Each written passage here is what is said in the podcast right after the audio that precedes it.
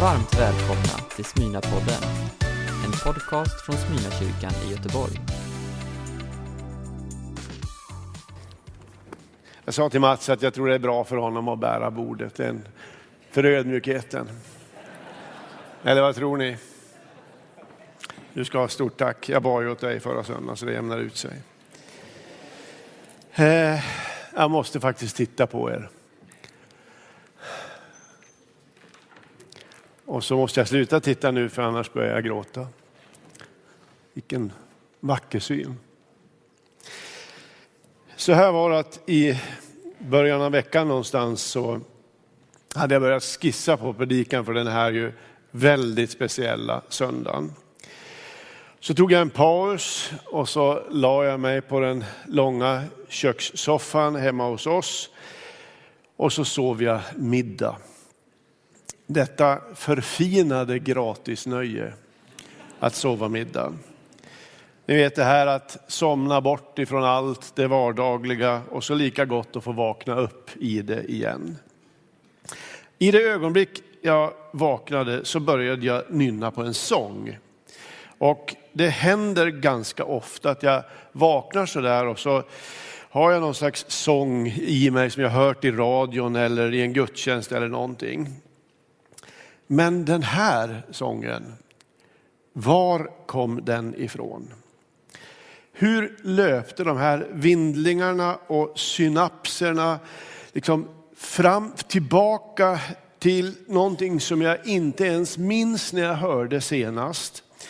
Kanske på 80-talet, möjligen på 90-talet. Och jag kan sätta min hatt på att de av er som är under 40 år har aldrig hört den här sången. Texten lyder så här. Villigt kommer ditt folk när du samlar din här. Liksom daggen kommer ur morgonrodnaden, klädd i helig skrud för att prisa Gud. Villigt kommer ditt folk när du samlar din här. Jag hör några sådana här igenkännande muttringar någonstans här uppe. Den här bibelvisan då för er yngre, detta var ju en formidabel hit i den karismatiska väckelserörelsen i början av 70-talet. Den är en tonsättning av den 110 salmen, den tredje versen, en Davidsalm. Och det är författarinnan Ylva Eggehorn som har gjort den här tonsättningen. Jag pratade med henne om just detta häromdagen. Och då berättade hon att trots att det har gått så länge sedan, jag tror hon skrev den 72 eller något sånt. Trots att det har gått så länge sedan så sa hon att det konstiga med den här sången är att jag minns exakt var jag befann mig när melodin kom. Vi sa så på den tiden att den kom. Jag, jag var på övervåningen i Hannagården i Sorunda. För övrigt ett ställe som marknadsför, de marknadsför sig med att det inte finns wifi där. Så berättade hon att, om det här att, att inte bara skriva en melodi eller skriva en text, utan också att låta någonting komma till sig. Det här var precis i början av 70-talet. Eh, och det som kallades då för den karismatiska väckelsen eller den karismatiska förnyelsen. Ungefär samtidigt så kom Jesusfolket till Sverige. De första grupperna anlände.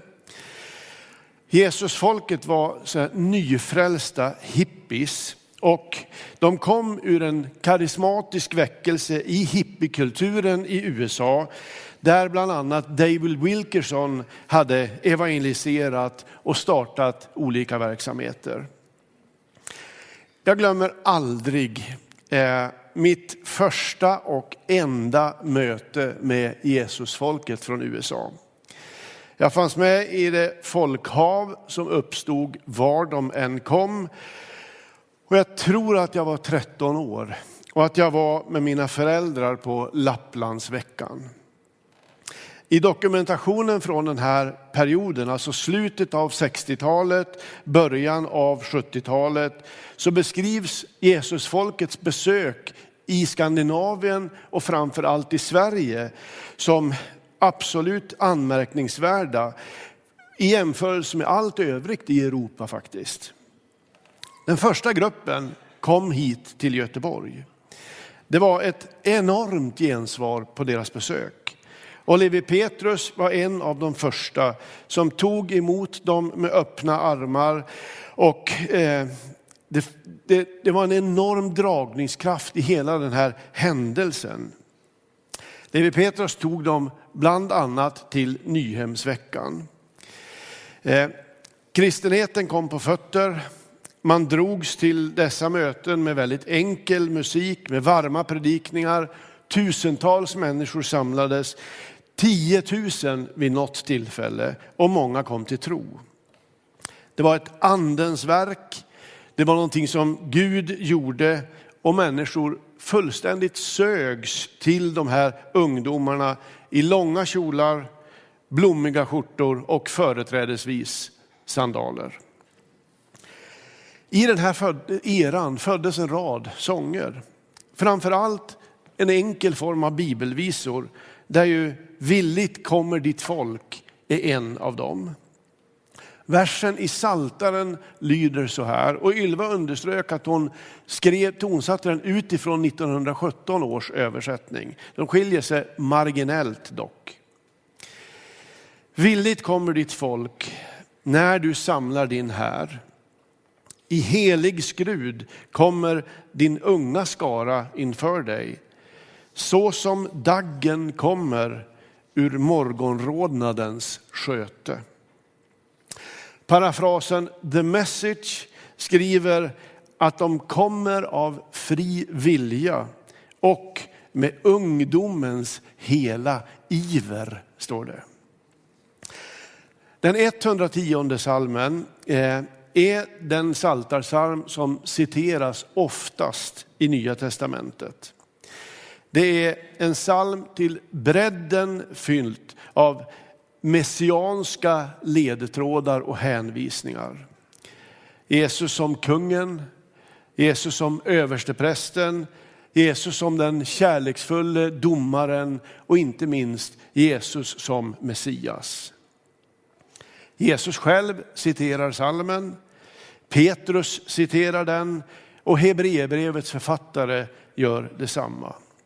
Och det är, om man läser noggrant, så är det Jesus från början till slut. Och den vore värd ett eget bibelstudium. Men här finns också det där som jag vaknade i efter tuppluren och som sen har vuxit sig allt starkare.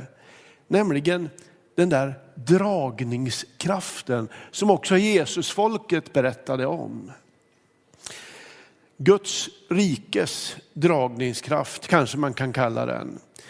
Folket i salmen inte bara sluter upp utan bilderna fyller i och kompletterar varandra. De kommer med ungdomens iver. De kommer iklädda Guds härliga, heliga närvaro.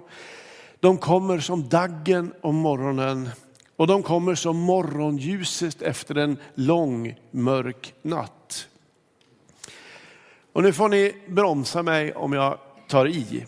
Men jag, jag tycker att jag har känt någonting av den här dragningskraften just nu. På tröskeln ut ur pandemin så längtar vi av, efter mer av den. Den som gör att vi inte bara kommer tillsammans med släpande ben eller av pliktkänsla utan dras samman, sugs in i gudstjänster och bönegrupper. Mycket tyder ju på att vi är på väg ut ur pandemin. Den som har hållit oss i ett ofattbart grepp egentligen i 740 dagar och 740 nätter.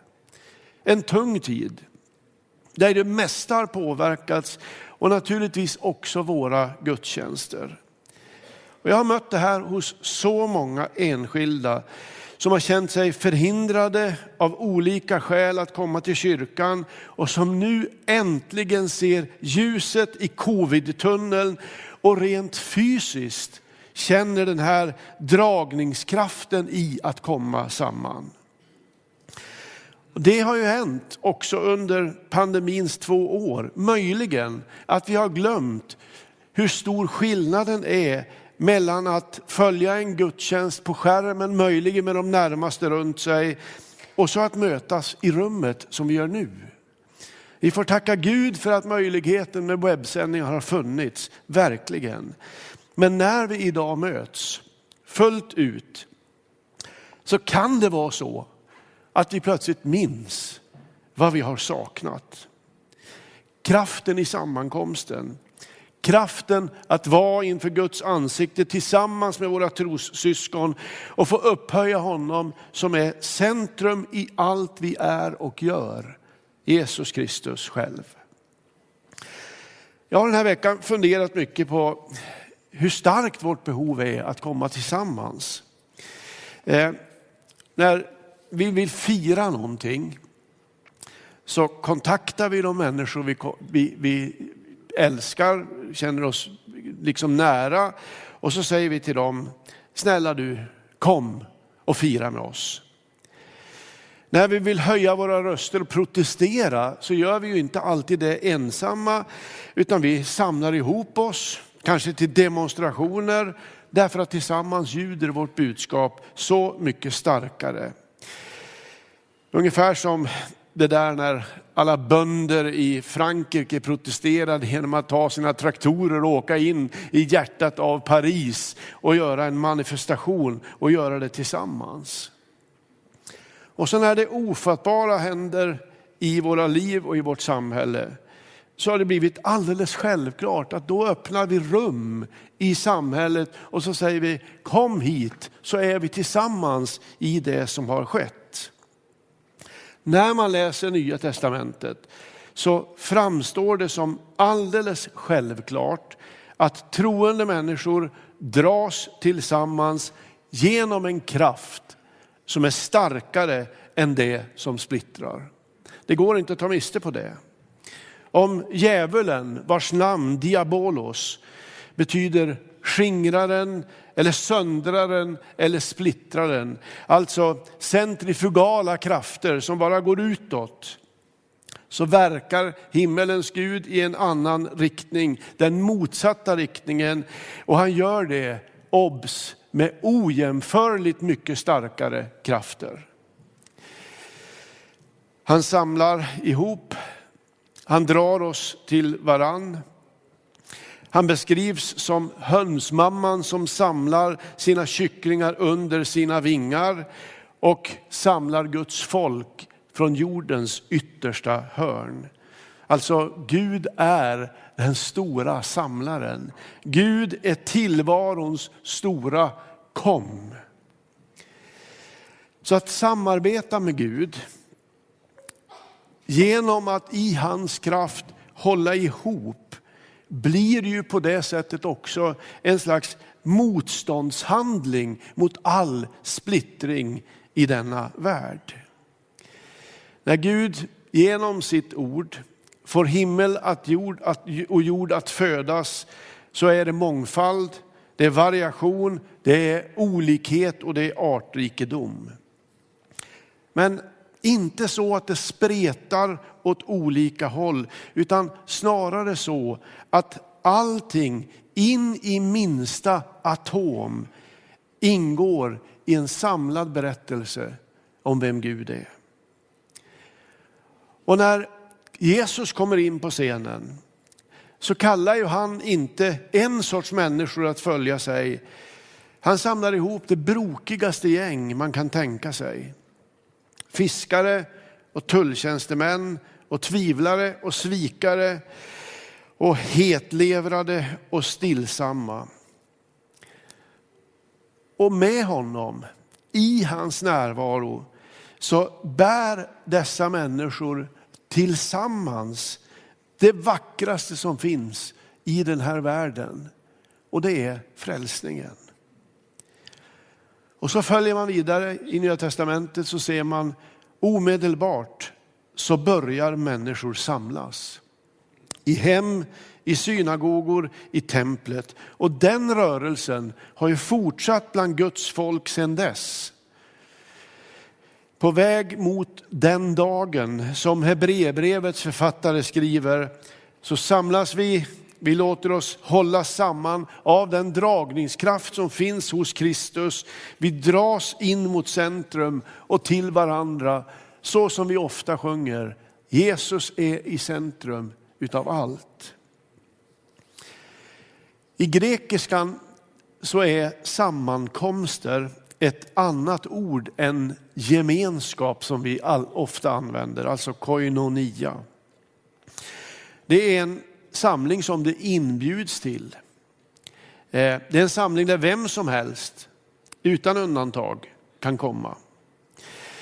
Det är en samling där man inte väljer vem man möter. Och det är en samling som påverkas av vilka som är där. Därför att Gud utrustat oss alla till att bära gåvor in i församlingen och sammankomsten, gåvor som bygger upp. Jag läser ur första Korinthierbrevet. När ni samlas har var och en något att bidra med. En sång, undervisning, uppenbarelse, tungotal eller uttolkning. Men allt ska syfta till att bygga upp. När ni samlas, alltså inte om ni gör det. Som att ett kristet liv verkar, det verkar där inte vara någon fråga ens om man ska komma eller inte komma när Guds folk samlas. Observera att den som skrev det här visste vilket pris många redan hade fått betala för att samlas till gudstjänst. Till och med en del av dem martyrdöden. Ännu tydligare blir det här i Hebreerbrevets tionde kapitel.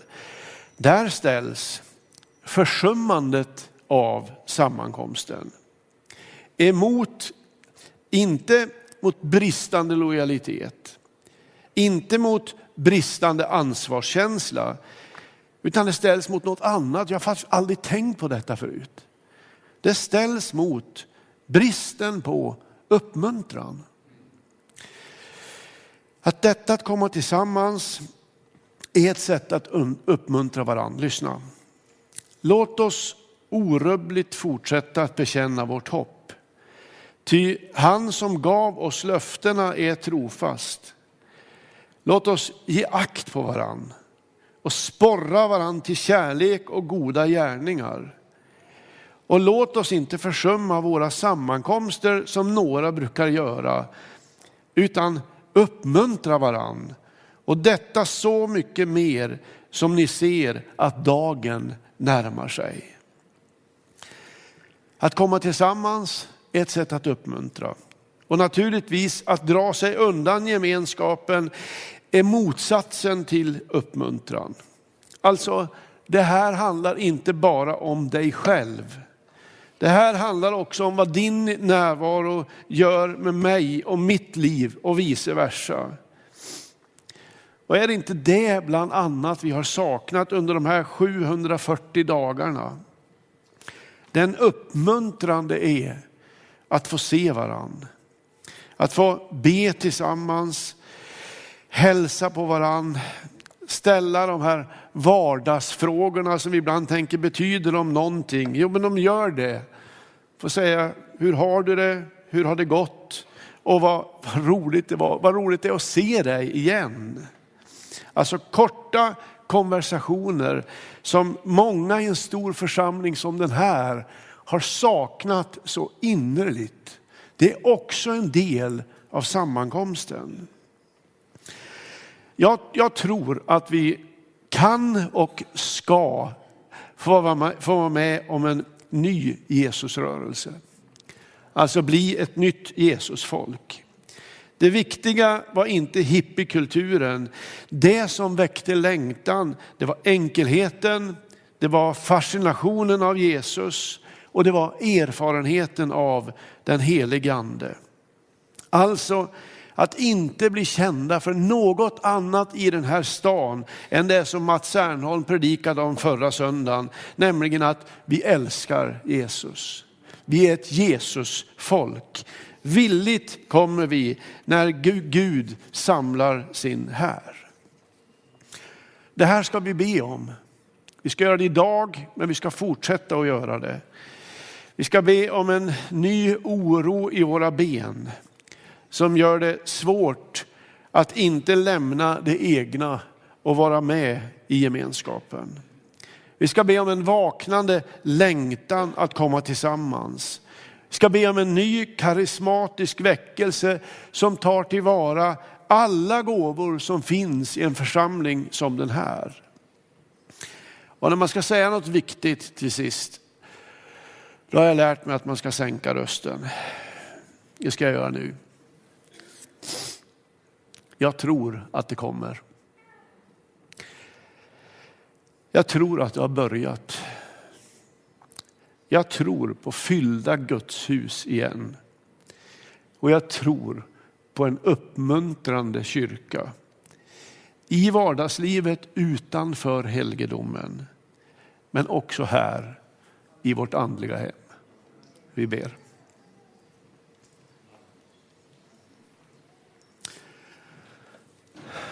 Ja, Jesus, jag vill mest av allt bara tacka dig för den här samlingen idag, detta återtåg.